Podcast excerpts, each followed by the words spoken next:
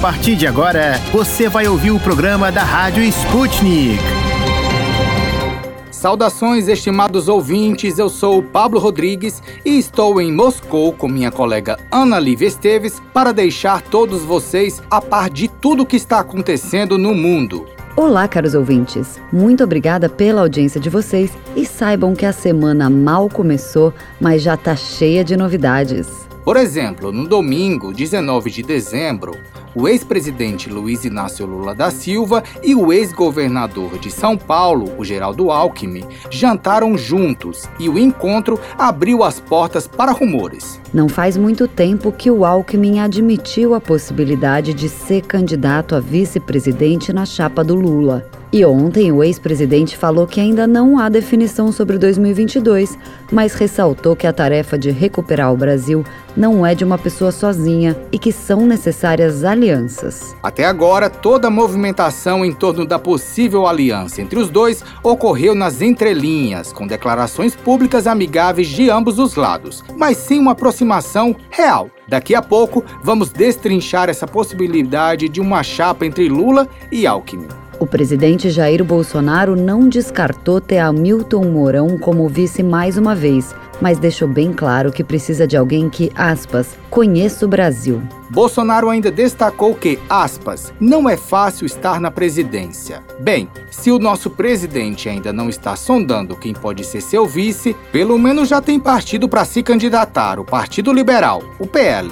Ainda em clima de eleições, o candidato da esquerda, Gabriel Boric, foi eleito presidente do Chile aos 35 anos de idade. Em uma eleição marcada pela polarização política, Boric venceu o advogado José Antônio Cast, da ultradireita. Boric levou 55,9% dos votos contra 44,1% de Cast. O novo presidente prometeu um sistema de saúde que, aspas, não discrimine entre ricos e pobres, um programa de cuidado para mulheres e aposentadorias dignas. Com a vitória, o esquerdista levou ao poder uma nova geração de políticos que surgiram com as revoltas estudantis de 2021. Já na Europa, foram anunciadas medidas de restrição em meio ao aumento de casos da Covid-19. A Europa está tentando conter o aumento de casos da Covid-19 pela variante Omicron. Nos Países Baixos foi imposto um lockdown de três semanas, enquanto Paris cancelou a festa de Réveillon. Já o prefeito de Londres afirmou que novas restrições são inevitáveis. As medidas foram impostas porque alguns países consideram que a nova variante da Covid-19 se tornará dominante no próximo mês. As restrições vão ser mantidas até o dia 14 de janeiro. Todas as lojas não essenciais, os restaurantes, bares, cinemas, museus e teatros deverão ser fechados. Depois deste giro internacional, chegou a hora de anunciarmos para vocês, ouvintes, o que o programa desta segunda-feira, 20 de dezembro, vai trazer de bom. E no programa de hoje. No Destrinchando a Charada Brasil, vamos falar sobre os impactos políticos de uma possível chapa Lula-Alckmin para disputar a eleição no ano que vem. No Esqueceram de Mim em Portugal, vamos falar sobre invenções criadas por portugueses ficando cada vez mais internacionais. No Bombando no YouTube, vamos descobrir quais os grupos que querem a redução dos arsenais nucleares dos Estados Unidos. No Destrinchando a Charada Internacional, vamos entender as novas regras da Rússia e da Argentina sobre exportações de commodities. O Hora do Problema vai descobrir a força da religião que o pianista Alexei Lissanenko sentiu quando visitou a Rússia pela primeira vez. O Deu Russo, que é o nosso quadro de bizarrices da Rússia, vai revelar o que pode acontecer quando uma menina se depara com um escorpião fujão do frio. Destrinchando a charada. De dentro e fora do Brasil. Política, economia, sociedade e tudo que engloba o maior país da América Latina. As charadas mais complicadas do Brasil são destrinchadas aqui Olá, queridos ouvintes. No Destrinchando a Charada Brasil de hoje, vamos falar sobre os impactos políticos da possível chapa composta pelo ex-presidente Lula e o ex-governador de São Paulo, Geraldo Alckmin. Exatamente, caros ouvintes. Alckmin deixou o PSDB na última semana e deve se filiar ao PSB, visando a vice-candidatura na chapa do petista. Considerado um tucano histórico, Geraldo Alckmin foi candidato à presidência da República pelo partido e foi derrotado em uma disputa em segundo turno contra o próprio Lula em 2006. A sua relação com o PSDB já vinha se desgastando nos últimos anos com a ascensão de seu antigo pupilo, o atual governador de São Paulo, João Dória que é o pré-candidato do partido e vai rivalizar com Lula no pleito do ano que vem. A aliança entre os antigos adversários vem sendo discutida há semanas através de aliados. De um lado, Lula vê em Alckmin uma oportunidade de melhorar o desempenho do seu nome junto ao empresariado e aos eleitores de centro. Do outro, Alckmin vê uma oportunidade de voltar a ganhar protagonismo no cenário nacional. Ele até então era pré-candidato ao governo de São Paulo, pelo PSD, já que sua antiga legenda tinha o vice de Dória, o Rodrigo Garcia, como nome para a sucessão. Nesse domingo, o Lula e o Alckmin se reuniram em São Paulo num jantar promovido pelo grupo Prerrogativas, que é integrado por advogados, juristas e artistas. Segundo informações do jornal Folha de São Paulo, Ambos dividiram a mesa no jantar e conversaram em clima descontraído. Eles não cravaram a aliança, dada como quase certa pelos seus correligionários. Ambos evitaram adiantar decisões que envolvam o pleito do ano que vem. Enquanto Lula, que lidera as pesquisas de intenção de voto, ainda não crava sua candidatura, Alckmin prefere não sacramentar a qual partido vai se filiar. PSB ou PSD? Para compor a chapa com o Lula, o mais provável é que seja o PSB. Aos jornalistas, Lula disse que quem vai decidir se eles seguirão juntos na eleição do ano que vem serão os partidos, ressaltando que Alckmin ainda não se filiou a uma nova legenda. Já o governador de São Paulo deu mais indicativos da aproximação com o petista, afirmando que agora o momento é de união. No evento ainda estiveram presentes representantes de outros partidos que podem compor a chapa Lula-Alckmin em 2022, como PSOL, PSD e Solidariedade. Para falar um pouco mais sobre a saída do Geraldo Alckmin do PSDB e sobre a possível chapa com o ex-presidente Lula,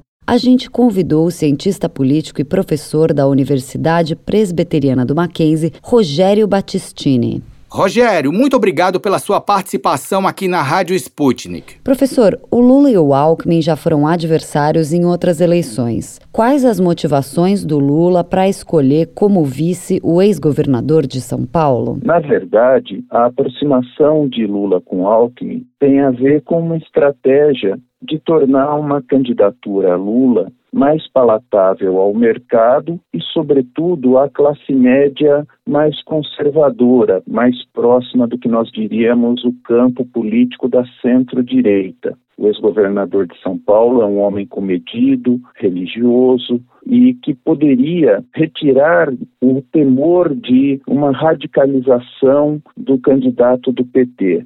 Nesse sentido, é a mesma estratégia que já foi utilizada pelo PT em suas vitórias eleitorais, nas quatro vitórias eleitorais, nas duas de Lula e nas duas de Dilma.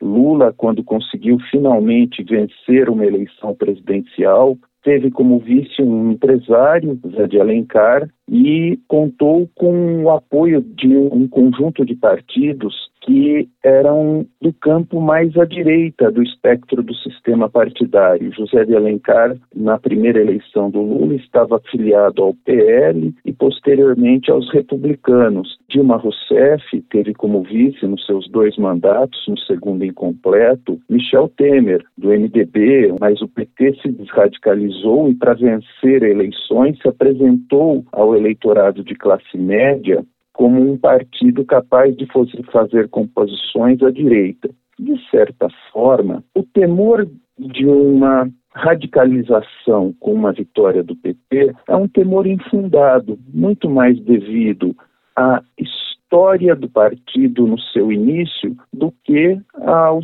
seu percurso como alternativa de governo. O PT tem uma longa história em governos municipais, estaduais e à frente do governo federal, e é uma história de um partido de centro voltado para centro-esquerda. Executa políticas que não desafiam o sistema econômico vigente, não desafiam o sistema legal vigente e são políticas até certo ponto tendentes a acomodar o sistema econômico brasileiro, o capitalismo brasileiro. A conjuntura que nós vivemos é uma conjuntura marcada por temores infundados, seja no polo mais à direita, governista, seja no polo mais à esquerda. É evidente que no mundo real nós temos retrocessos visíveis por conta do desgoverno, mas na prática a democracia brasileira aos solavancos tem funcionado. A associação, portanto, de Lula com Alckmin visa acalmar os mercados, acalmar uma certa classe média.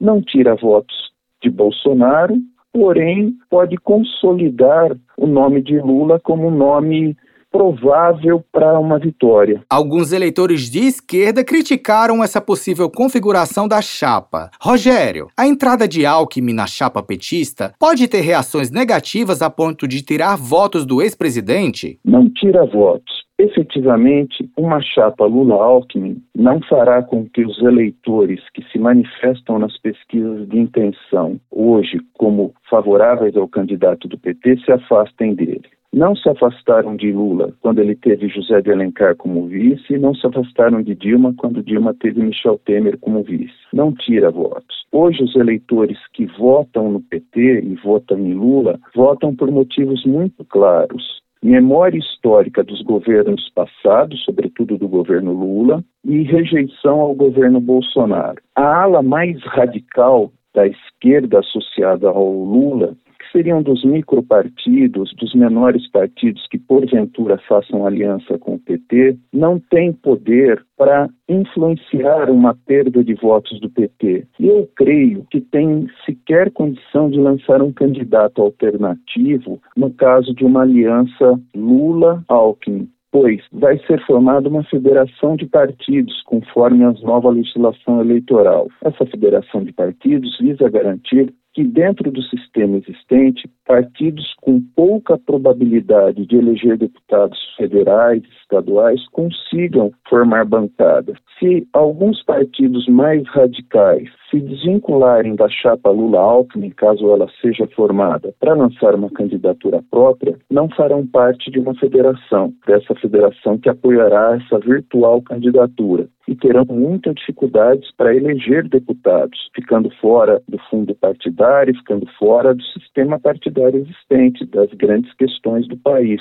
Eu não creio que haja perda de votos e não creio que os partidos que hoje estão com Lula se afastem dele. A entrada de Alckmin na chapa de Lula gera impactos diretos na corrida pelo governo de São Paulo, onde o ex-tucano liderava as intenções de voto. Nomes como Márcio França, do PSB, Fernando Haddad, do PT, e Guilherme Boulos, do PSOL, podem ser afetados com essa possível formação de chapa. Quem ganha e quem perde com a saída do ex-governador da disputa em São Paulo? Provavelmente, se se consolidar a condição de Alckmin como vice de Lula, quem ganha é Márcio França, do PSB, partido ao qual o ex-governador Geraldo Alckmin deve se filiar. Márcio França ficaria com o campo livre no estado de São Paulo para efetivar a sua candidatura e fazer a sua campanha, sem ter um adversário de peso, como o ex-governador Geraldo Alckmin, do qual ele foi vice. Então, o principal vencedor seria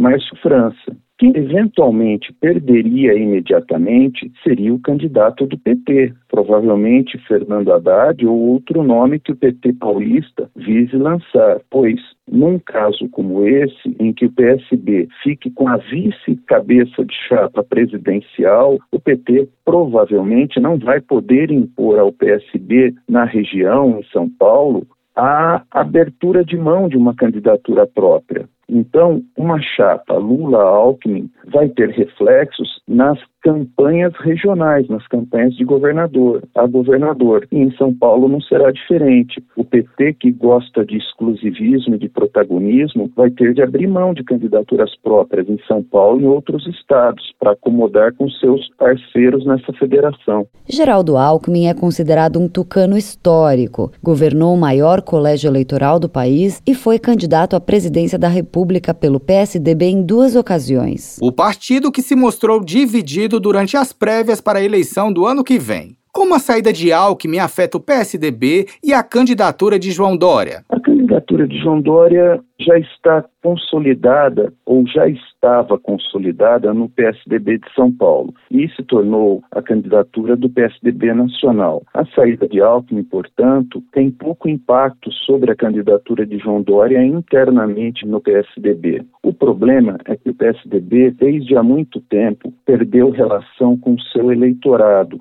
E para recompor essa relação, o PSDB precisa passar por um adornamento, uma refundação.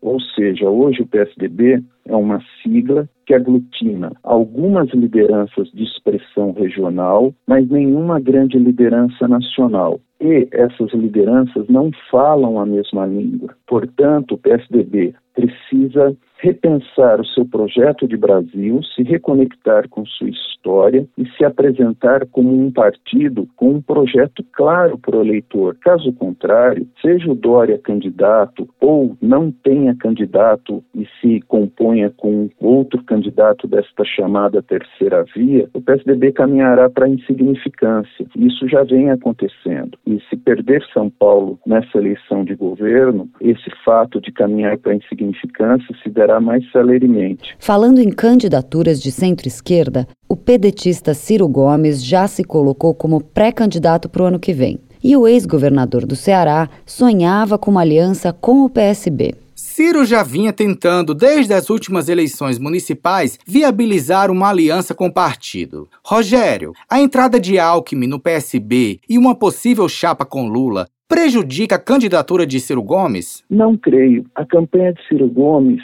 ela tem muita dificuldade de engrenar. Ciro Gomes escolheu como adversários Bolsonaro e Lula. Escolheu dois grandes flancos como adversários. Escolheu um candidato mais à esquerda e o um candidato mais à direita, ou seja, ele é adversário do governo e é adversário ao mesmo tempo da principal alternativa ao governo. Ao se colocar nesta posição, ele tentou se qualificar como o homem de uma terceira via, afirmando ao eleitorado brasileiro que existiria uma polarização na sociedade, o que é falso. A polarização que nós vivemos hoje é uma polarização virtual, que está no mundo virtual. No mundo real, nós temos um desgoverno que precisa ser contido.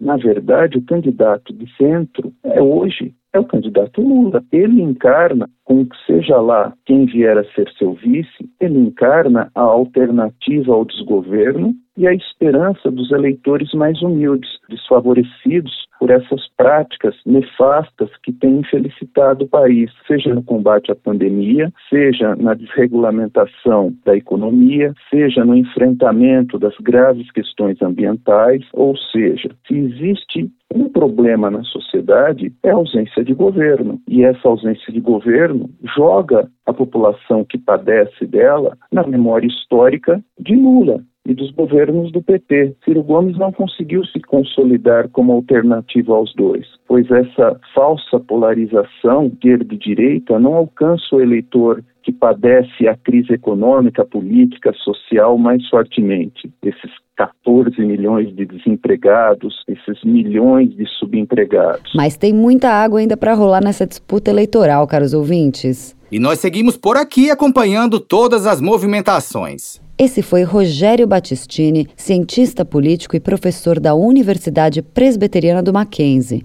Muito obrigada pela sua participação aqui, professor. O nosso Destrinchando a Charada Brasil de hoje fica por aqui. Até a próxima.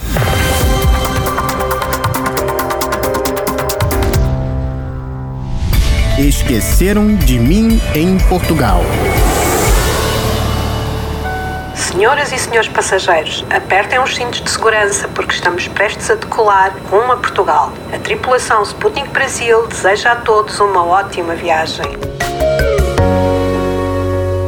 Então vamos começar mais uma semana com as notícias da Terrinha. E quem traz o vento de novidades portuguesas é a correspondente Luísa Ramos. Olá, Luísa! Olá, Pablo. Olá, Ana. Olá, ouvintes da Rádio Sputnik. As invenções desenvolvidas por portugueses estão cada vez mais internacionais. Isso é o que diz o barômetro Inventa 2021 de patentes made in Portugal. As criações lusas andam sendo muito valorizadas, sobretudo nos mercados dos Estados Unidos e Europa, mas continuam em valores baixos face a outros países europeus. A internacionalização de invenções desenvolvidas por portugueses reforça a aposta no ecossistema global da propriedade intelectual. Apesar do crescimento dos pedidos de patente de origem portuguesa, estes mesmos pedidos, relativizados ao número de habitantes, estão ainda em valores muito baixos quando comparados com outros países europeus. Isso é o que foi dito no estudo que pode ser lido na agência Lusa nesta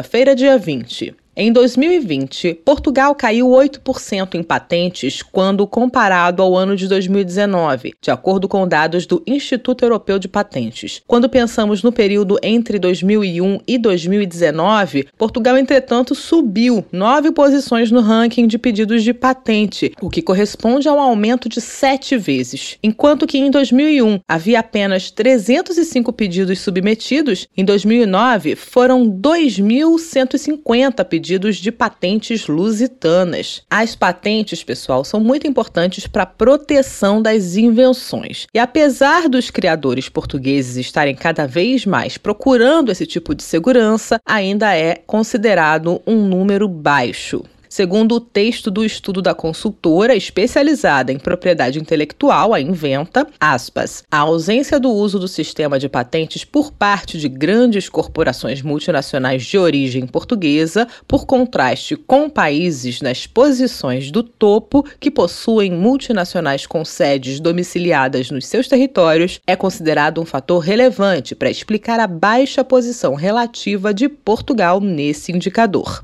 Agora, fazendo uma comparação com outros países, Portugal teve nesse período estudado, de 2001 a 2019, um volume total de pedidos de patente de 19.438 pedidos, ficando atrás de países como a República Tcheca, com mais de 30 mil, Polônia e Ucrânia, que ultrapassam os 63 mil pedidos, a vizinha Espanha alcança 176.771 pedidos de patente nesse período de 18 anos, e a Itália bate incríveis 467 mil patentes de 2001 a 2019. Voltando a citar o período de 2001 a 2019, os pedidos de patente de Portugal apresentados perante os Estados Unidos foi de 30,8%. Na Europa, 26,4% dos pedidos submetidos totais e do Brasil, 6,5%. A China permanece em 6%, mas pode ultrapassar o Brasil como mercado de registro registro de criações portuguesas muito em breve. Os especialistas falam que a internacionalização é um indicador de qualidade das patentes. Tirando as caravelas de séculos atrás, as invenções portuguesas que fazem até hoje a diferença no mundo globalizado são, por exemplo, o modelo de cartões de telefone pré pagos. O sistema ficou muito popular no Brasil, mas quem criou o carregamento de celular pré-pago foram os portugueses.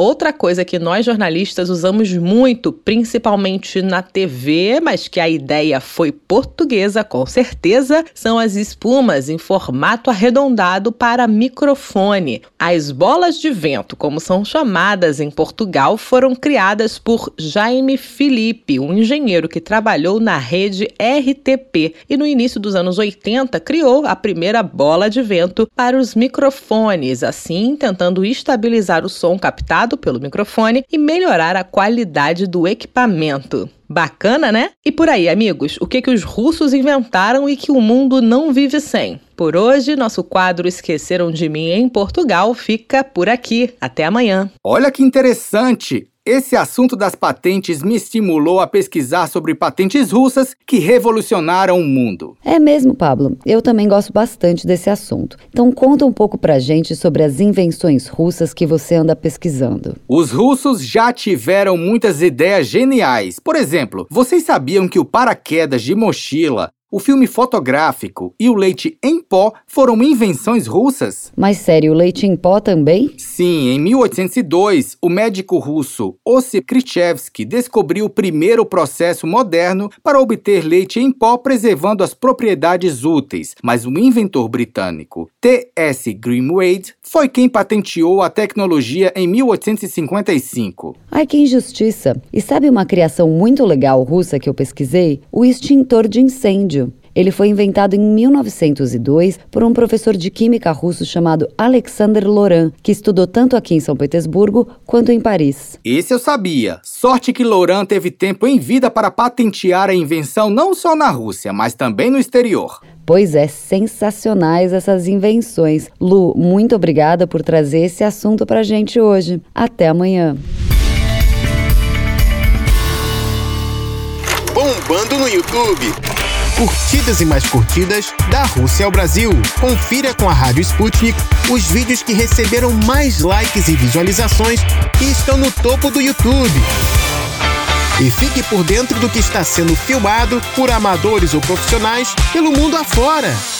Chegou a hora da gente ir lá para a redação da Sputnik Brasil conversar com o nosso estimado colega Tito da Silva. Olá, Tito! Conta pra gente quais são os vídeos que estão bombando no YouTube. Olá, queridos amigos da Rádio Sputnik. Meu nome é Tito da Silva e eu trago para vocês os vídeos que estão bombando no YouTube. No topo da lista desta segunda-feira, 20 de dezembro, o Ministério da Defesa da Rússia mostrou pela primeira vez como seu drone Arion pode destruir outros drones em um cenário de guerra. Nas imagens, o Orion levantou voo na Crimeia, enquanto seu oponente, um drone tipo helicóptero, levantou voo a cerca de 100 quilômetros dali. Utilizando sistemas de detecção, o Orion encontrou o alvo e seu operador fixou com a ajuda de um raio laser a mira da aeronave não tripulada no alvo. Em seguida, o Orion disparou um míssil antitanque guiado que acabou acertando em cheio o drone tipo helicóptero. O alvo não teve chance e acabou sendo destruído no ar. O teste provou para os militares russos que o Orion não é só capaz de atacar alvos terrestres, mas também pode ser utilizado em um combate aéreo. Para você ver o duelo de drones, é só digitar: Drones travam batalha inédita na Crimeia. E no segundo vídeo de hoje, cerca de 700 cientistas e engenheiros, sendo 21 deles laureados com o Prêmio Nobel, conclamaram o presidente Joe Biden, via abaixo assinado, a reduzir o arsenal nuclear dos Estados Unidos. O pedido é de que o arsenal venha a ser contraído em um terço e que os poderes do presidente americano sobre o uso de armas nucleares venham ser modificados por lei. O objetivo é impedir que, no futuro, um presidente possa, de forma imprudente, utilizar o arsenal atômico americano contra outro país, ou que os Estados Unidos recorram a tal tipo de arma em primeiro lugar. Ao invés de substituir os mísseis intercontinentais existentes, os cientistas pedem que Biden possa aumentar a sua vida útil. O pedido é feito em um momento de fortes tensões entre os Estados Unidos, China e Rússia, ao passo que já se ouve no Senado norte-americano sugestão do país utilizar armas nucleares contra a Rússia no contexto das tensões na Ucrânia. Se você deseja obter maiores informações sobre o caso, digite assim no YouTube. Biden deve reduzir arsenal nuclear, instam cientistas. E no terceiro vídeo de hoje, o canal Sala de Guerra fez um vídeo mostrando os feitos do AIS da Real Força Aérea da Itália durante a Segunda Guerra Mundial, Luigi Gorini. Nascido no vilarejo de Alceno, o futuro piloto já demonstrava interesse por aeronaves durante sua juventude, sendo que aos 20 anos ele já entrou para a força. Durante o conflito, o piloto se destacou a bordo de um caça Mach C.205 Veltro, se tornando uma arma mortal na guerra. E no quarto vídeo de hoje, o canal Fatos Desconhecidos explicou para a gente por que o nosso estômago ronca quando estamos com fome. Embora possa ser constrangedor, os roncos no estômago, na verdade, é um fenômeno natural do nosso corpo. Embora a gente pense que tais barulhos ocorrem quando estamos só com fome, eles ocorrem em diferentes situações. Contudo, o barulho é ainda mais alto quando o estômago e o intestino estão ambos vazios. A origem do ruído estaria basicamente no movimento das paredes de nosso estômago e também no intestino delgado, e tem sido objeto de observação há milênios em diferentes civilizações. E no quinto vídeo de hoje, o canal Ciência Todo Dia conta em detalhes sobre para onde vão os arquivos que deletamos no nosso computador. Na verdade, quando você deleta um arquivo no PC, os dados continuam ainda no computador, mas você simplesmente apaga de forma rápida a forma como encontrar aquele arquivo. O canal fez uma lisão bem didática de deletar arquivos com o processo de você tentar se livrar de uma quantidade de água colocando ela para ferver. Aos nossos olhos, a impressão é que a água sumiu, mas na verdade ela só trocou de estado líquido para gasoso. E é de forma bem parecida que funciona a exclusão de dados em seu PC. E por hoje é tudo, pessoal. Até mais! E aí, ouvintes, o que, que vocês acharam da carta dos cientistas pela redução dos arsenais nucleares dos Estados Unidos? Realmente, por causa do desenvolvimento das tecnologias bélicas, a quantidade já não é tão relevante quanto a qualidade dessas armas. Vamos revisar os números? De acordo com o CIPRE, que é o Instituto de Estocolmo para Estudos sobre a Paz, nove países têm armas nucleares. Legalmente e oficialmente, só cinco países detêm esses armamentos: Rússia, Estados Unidos, China, França e Grã-Bretanha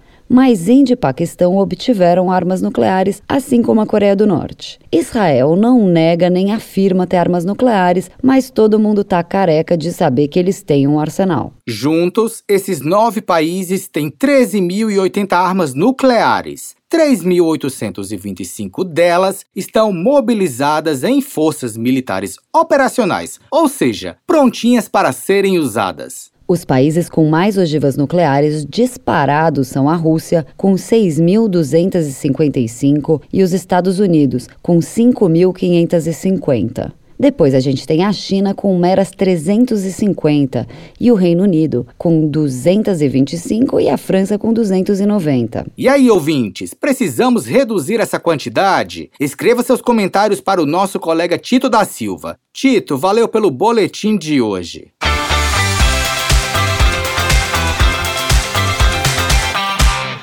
Destrinchando a Charada. Encruzilhada Internacional. Relações políticas, socioeconômicas e muito mais entre as nações deste mundão. Da Rússia aos Estados Unidos. Encontre com a gente as respostas às perguntas do momento.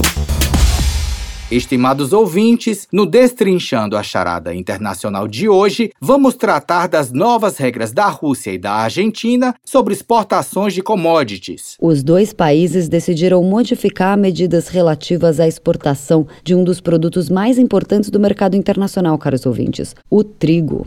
As medidas foram anunciadas na última sexta-feira, dia 17, e no caso argentino, também focam no milho. Buenos Aires limitou o volume de milho e trigo a ser exportado na temporada 2021-2022 em 41,6 milhões e 12,5 milhões de toneladas, respectivamente, segundo a Isto é Dinheiro. Já Moscou, maior exportadora de trigo do mundo, planeja estabelecer sua cota de exportação de um produto em 8 milhões de toneladas toneladas, marcando uma redução de 1 milhão de toneladas em relação ao nível concebido anteriormente. O que será que levou essas duas nações tão diferentes a adotarem novas resoluções sobre exportações de uma das commodities mais antigas do mundo? Para responder a essa questão e como as medidas atualizadas semana passada afetam o mercado internacional e o Brasil, Convidamos Leonardo Trevisan, professor de Relações Internacionais da SPM São Paulo e especialista em História das Relações Internacionais e em Geoeconomia Internacional.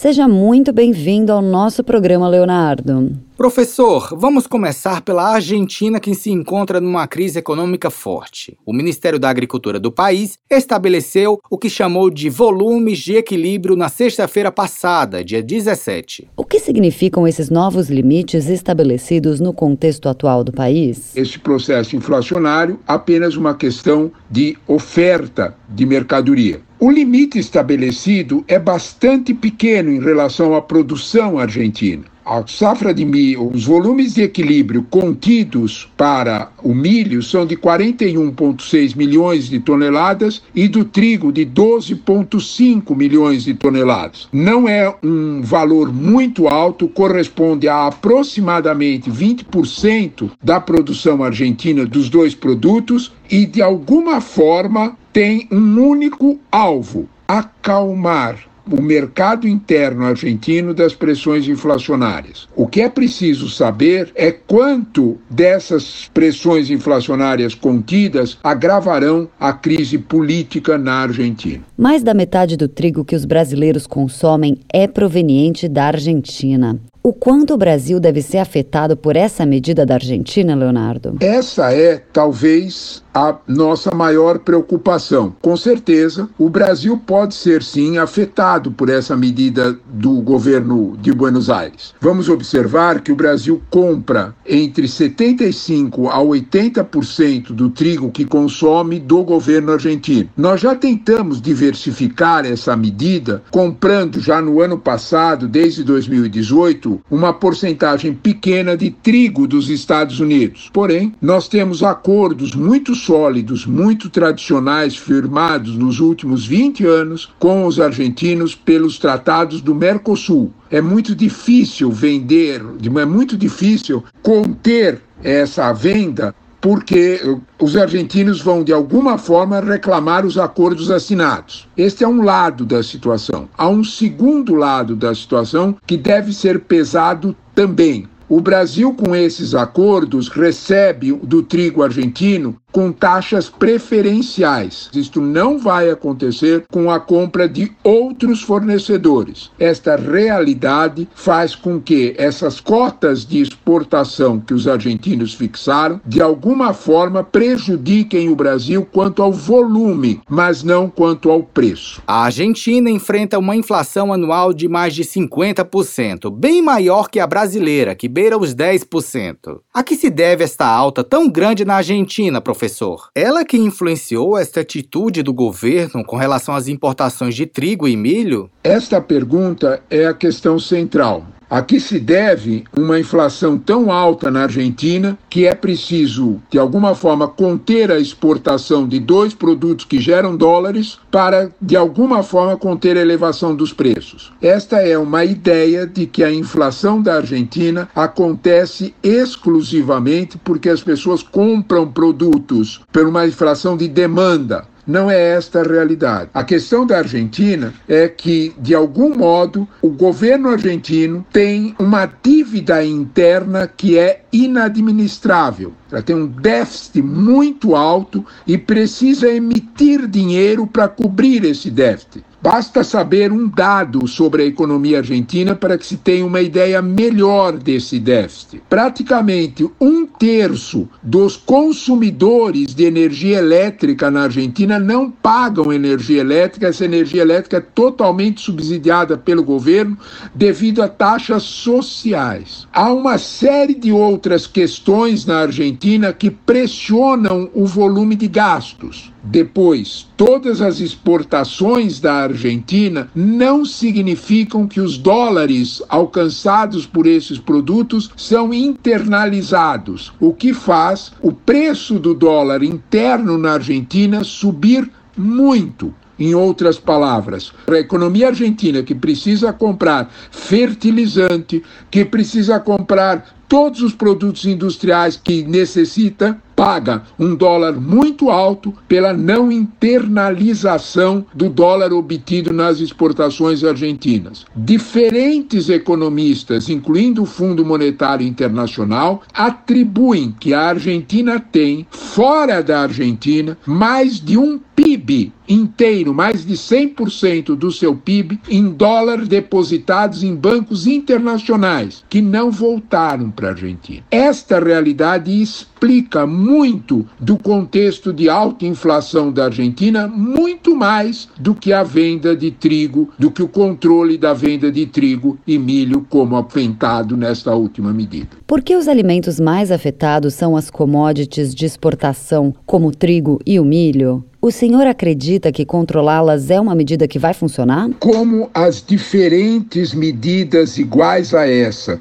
de controle de exportações na história argentina, todas elas redundaram em fracasso. O motivo nós já tratamos. A simples retenção de venda de commodities não significa uma absorção maior de dólar e também não significa que esse trigo e esse milho serão responsáveis por quedas muito fortes do controle da alta de preços internos na Argentina. Este remédio já foi tentado por pelo menos quatro ou cinco ocasiões nos últimos dez anos na Argentina e sempre redundaram em fracasso. Essas medidas não produziram o efeito de conter a inflação. O próprio governo de Fernandes, o atual governo, já tentou essa medida dois anos atrás e também não deu bom resultado. Professor, Estabelecer esse tipo de regulamentação agrícola pode ajudar a reduzir a inflação na Argentina? De nenhum modo. Aumentar a regulamentação agrícola reduzirá a tensa inflação na Argentina. A Argentina tem hoje uma inflação superior a 50% ao ano. É uma das maiores inflações do mundo. Esta realidade não se afetará porque você impede a exportação de 41 milhões de toneladas toneladas de milho e de 12 milhões de toneladas de trigo. Basta um dado para que se tenha uma ideia exata do que nós estamos falando sobre essa mudança no mercado internacional. 12 milhões de toneladas é uma porcentagem muito pequena do consumo mundial de trigo, que é de 780 milhões de toneladas. A participação do produto argentino não afetará de nenhum modo também o consumo interno da Argentina de trigo. De algum modo, esta medida tem mais uma feição política para acalmar setores mais radicais do peronismo que culpam as classes produtoras agrícolas argentinas, exatamente porque não trazem os dólares de volta para dentro da Argentina, pela crise econômica e pela alta da inflação no país. Leonardo, agora vamos trazer o assunto aqui para Moscou, porque curiosamente, também nessa última sexta-feira, 17, o Ministério da Economia da Rússia, que é o país que mais exporta trigo no mundo, anunciou que também planeja estabelecer uma cota de exportação de trigo. Exatamente, professor. Pode nos explicar a que se deve essa atitude semelhante à Argentina em um país tão distante da América Latina como a Rússia? O mercado de trigo, no caso latino-americano, que é basicamente argentino, é um mercado de trigo mais acomodado aos seus próprios vizinhos. No caso russo, o mercado de trigo tem parte dele acomodada à produção ucraniana, que quando existia a União Soviética era destinada, curiosamente, basicamente a equilibrar preços nos Estados Unidos, deixa uma diferença muito grande entre o valor dessa commodity para a Argentina e o valor da commodity para a Rússia. A Rússia é uma grande produtora de commodities na área de energia, petróleo e gás, que não é é o caso da Argentina. A Argentina produz outros produtos agrícolas que são relevantes. A Rússia tem, com outra diferença. O mercado argentino é muito mais acomodado ao Mercosul, não só às exportações externas. Não é o caso da Rússia, que tem uma exportação aberta. A compra do trigo russo é sempre um fator de equilíbrio para o preço do trigo no contexto europeu e norte-americano. É diferente do contexto de venda do trigo argentino, que tem outros consumidores, outros mercados mais definidos e mais adaptados. Diante do fato dos dois países que são tão diferentes e distantes adotarem medidas similares sobre o mesmo tipo de comércio, a gente se pergunta se uma crise global de commodities está se desenvolvendo.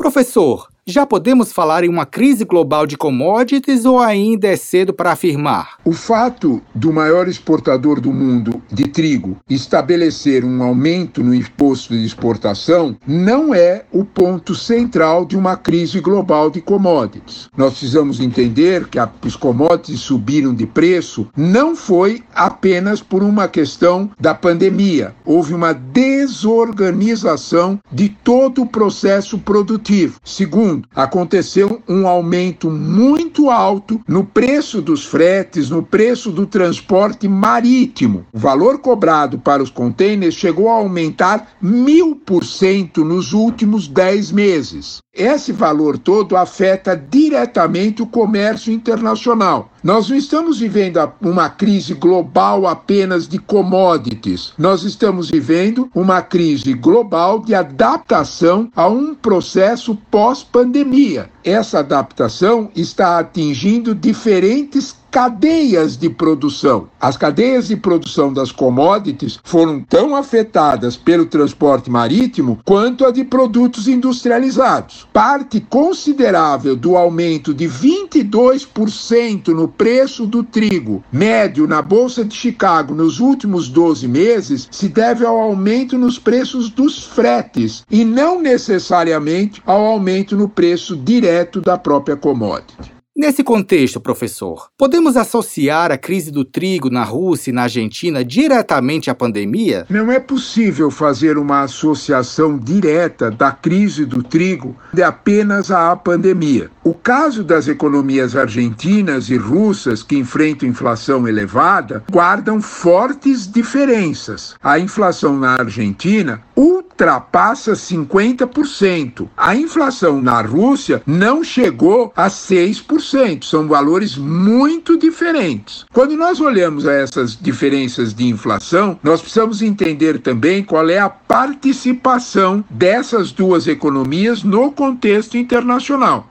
A Rússia é essencialmente uma vendedora de commodities de energia, petróleo e gás. Não nos esqueçamos que a Rússia é hoje a maior produtora de petróleo do mundo, mais de 10 milhões de barris de petróleo dia, talvez maior, dependendo do mês, do que a produção da Arábia Saudita. Esse quadro deixa uma situação diferenciada entre a Argentina e Rússia. Ambos produzem trigo, ambos vendem mas de alguma forma o contexto geopolítico da Rússia é completamente diferente desse mesmo contexto aí mais econômico do caso argentino. Para finalizarmos, professor Trevisan, Quais as semelhanças e diferenças dos mercados de trigo e commodities dos mercados latino-americano e russo? O quadro na Rússia em relação à venda e exportação de trigo é diferente do quadro argentino. A Rússia é talvez o maior exportador de trigo do mundo e usa essas cotas de exportação como um fator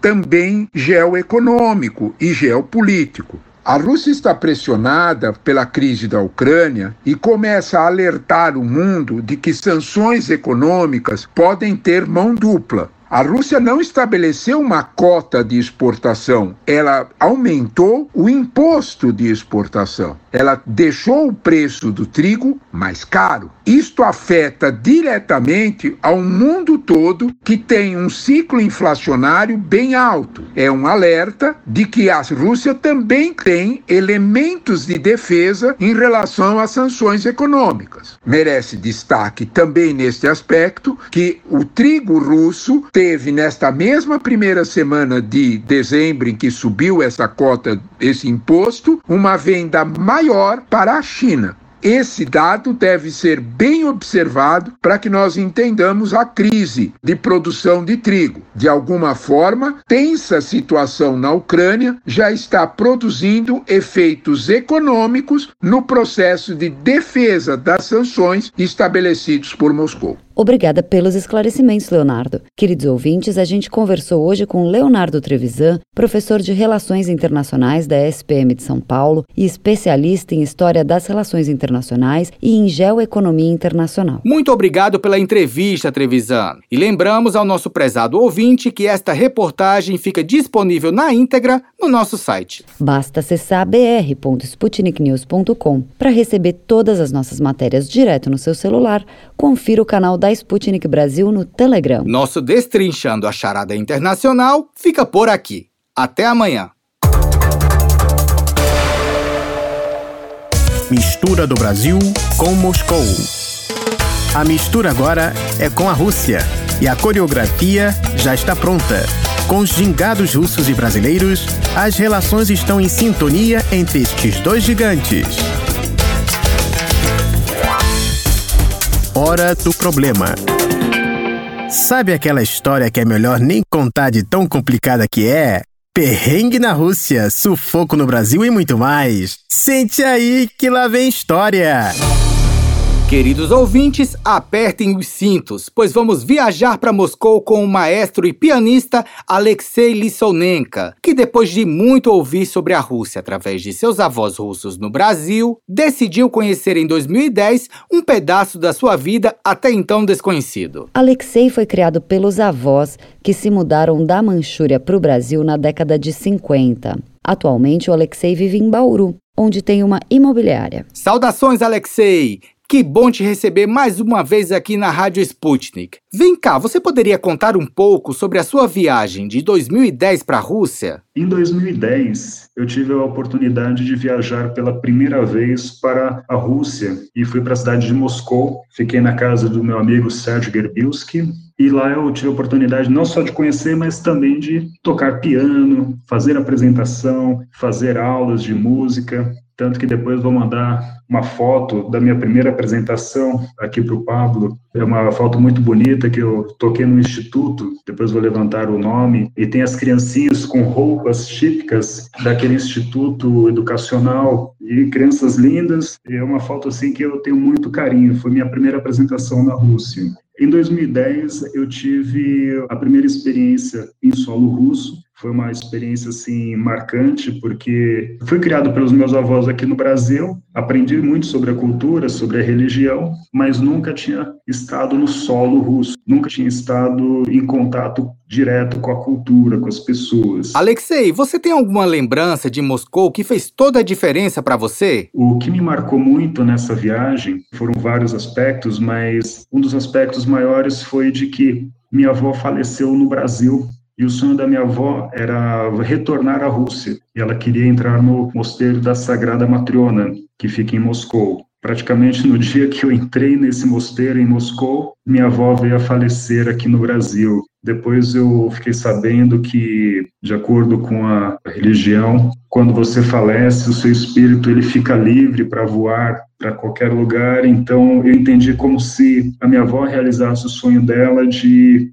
poder entrar nesse mosteiro junto comigo. Como é que foi receber a notícia da morte da sua avó enquanto você estava em Moscou, Alexei? Foi muito difícil porque a pessoa que eu amava, eu amo ainda, eu não pude nem me despedir dela. E ela veio a falecer em 2010 e foi assim uma perda muito grande. Eu acredito sim que a sua avó acabou conhecendo o mosteiro com você, Alexei. Mas me diz uma coisa: você passou quanto tempo aqui em 2010? Eu fiquei um mês e meio nessa viagem de 2010 e foi incrível que foi a época de queimadas que teve em Moscou. E foi uma época assim que teve queimadas ao redor da cidade e a cidade ficou completamente cinza e nos metrôs, bem submersos, você sentia o cheiro de queimado. Nossa, eu me lembro como se fosse hoje da fumaça cobrindo Moscou. Eu lembro que estava fazendo muito calor e não dava nem mesmo para abrir a janela do quarto por causa da fumaça. E como Alexei comentou, nem mesmo o metrô moscovita escapou da fumaça. Ainda bem que depois desse caso, nunca mais Moscou se viu coberta por uma nuvem de fumaça. Alexei, você teve a chance de conhecer os arredores de Moscou ou só ficou na capital russa? Outra coisa que me marcou muito nessa viagem foi que esse meu amigo Sérgio,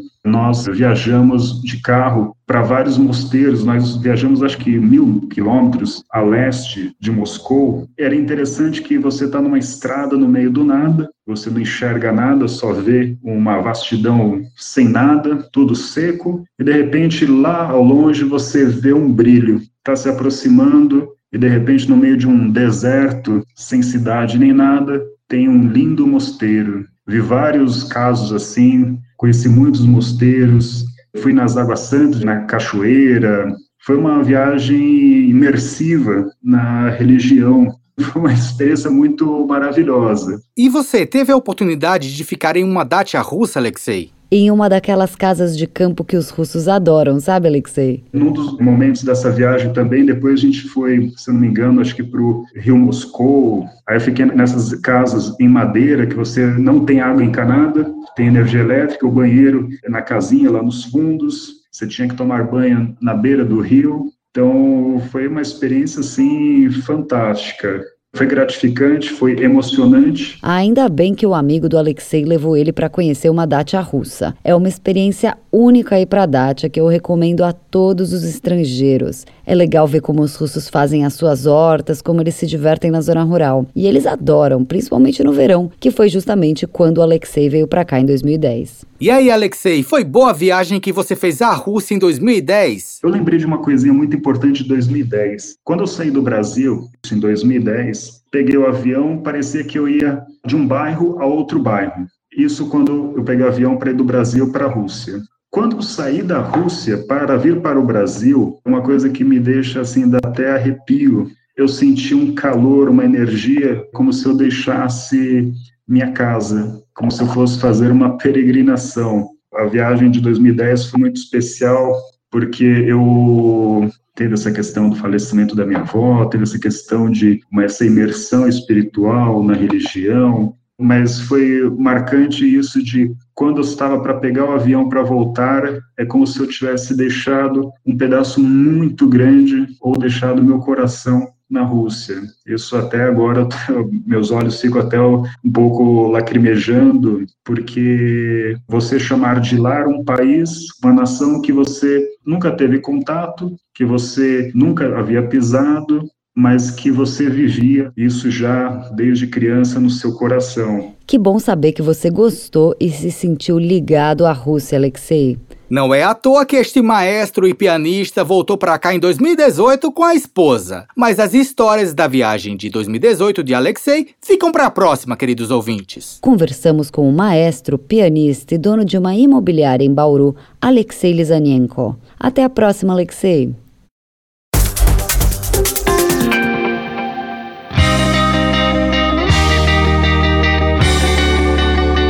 Deu Russo.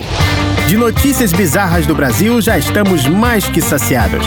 E as bizarrices que acontecem na Rússia, hein? É outro nível, rapaziada. Ih, deu russo! Se vocês acham, queridos ouvintes, que na Rússia só tem ursos e lobos, vocês estão muito enganados, pois nesse mundão russo há espaço até mesmo para escorpiões. Nos arredores de Moscou, uma russinha de 11 anos foi picada por um escorpião, caros ouvintes. Esse bicho com certeza não devia estar onde ele estava. Em um dia gelado do lado de fora, a pequena Lisa estava em seu quarto brincando de boneca. Brinquedo vai, brinquedo vem, a russinha decidiu pegar um vestidinho para sua boneca que estava em uma caixa. Daí veio a picada. Pelo visto, para o escorpião, a caixa de brinquedos era um ótimo lugar para tirar um cochilo e se esconder, mas ele não sabia que a caixa já tinha dona. Quando a russinha colocou a mão para pegar um brinquedo, a primeira coisa que veio à cabeça do escorpião foi se defender.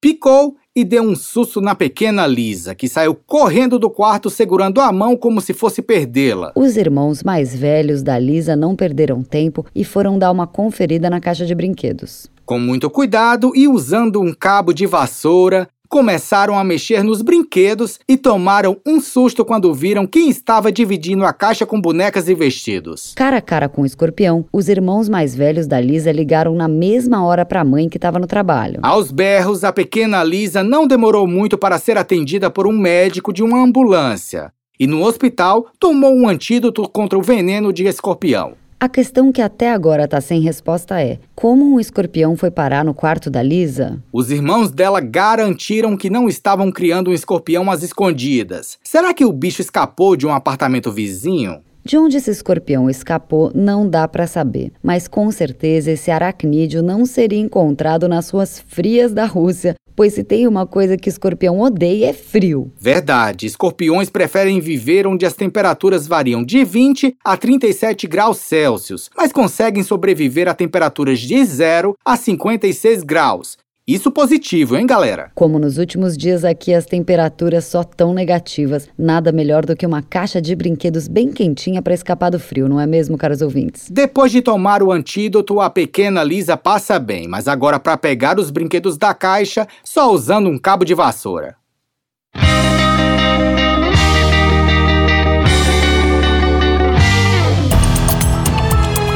Hora de dar tchau.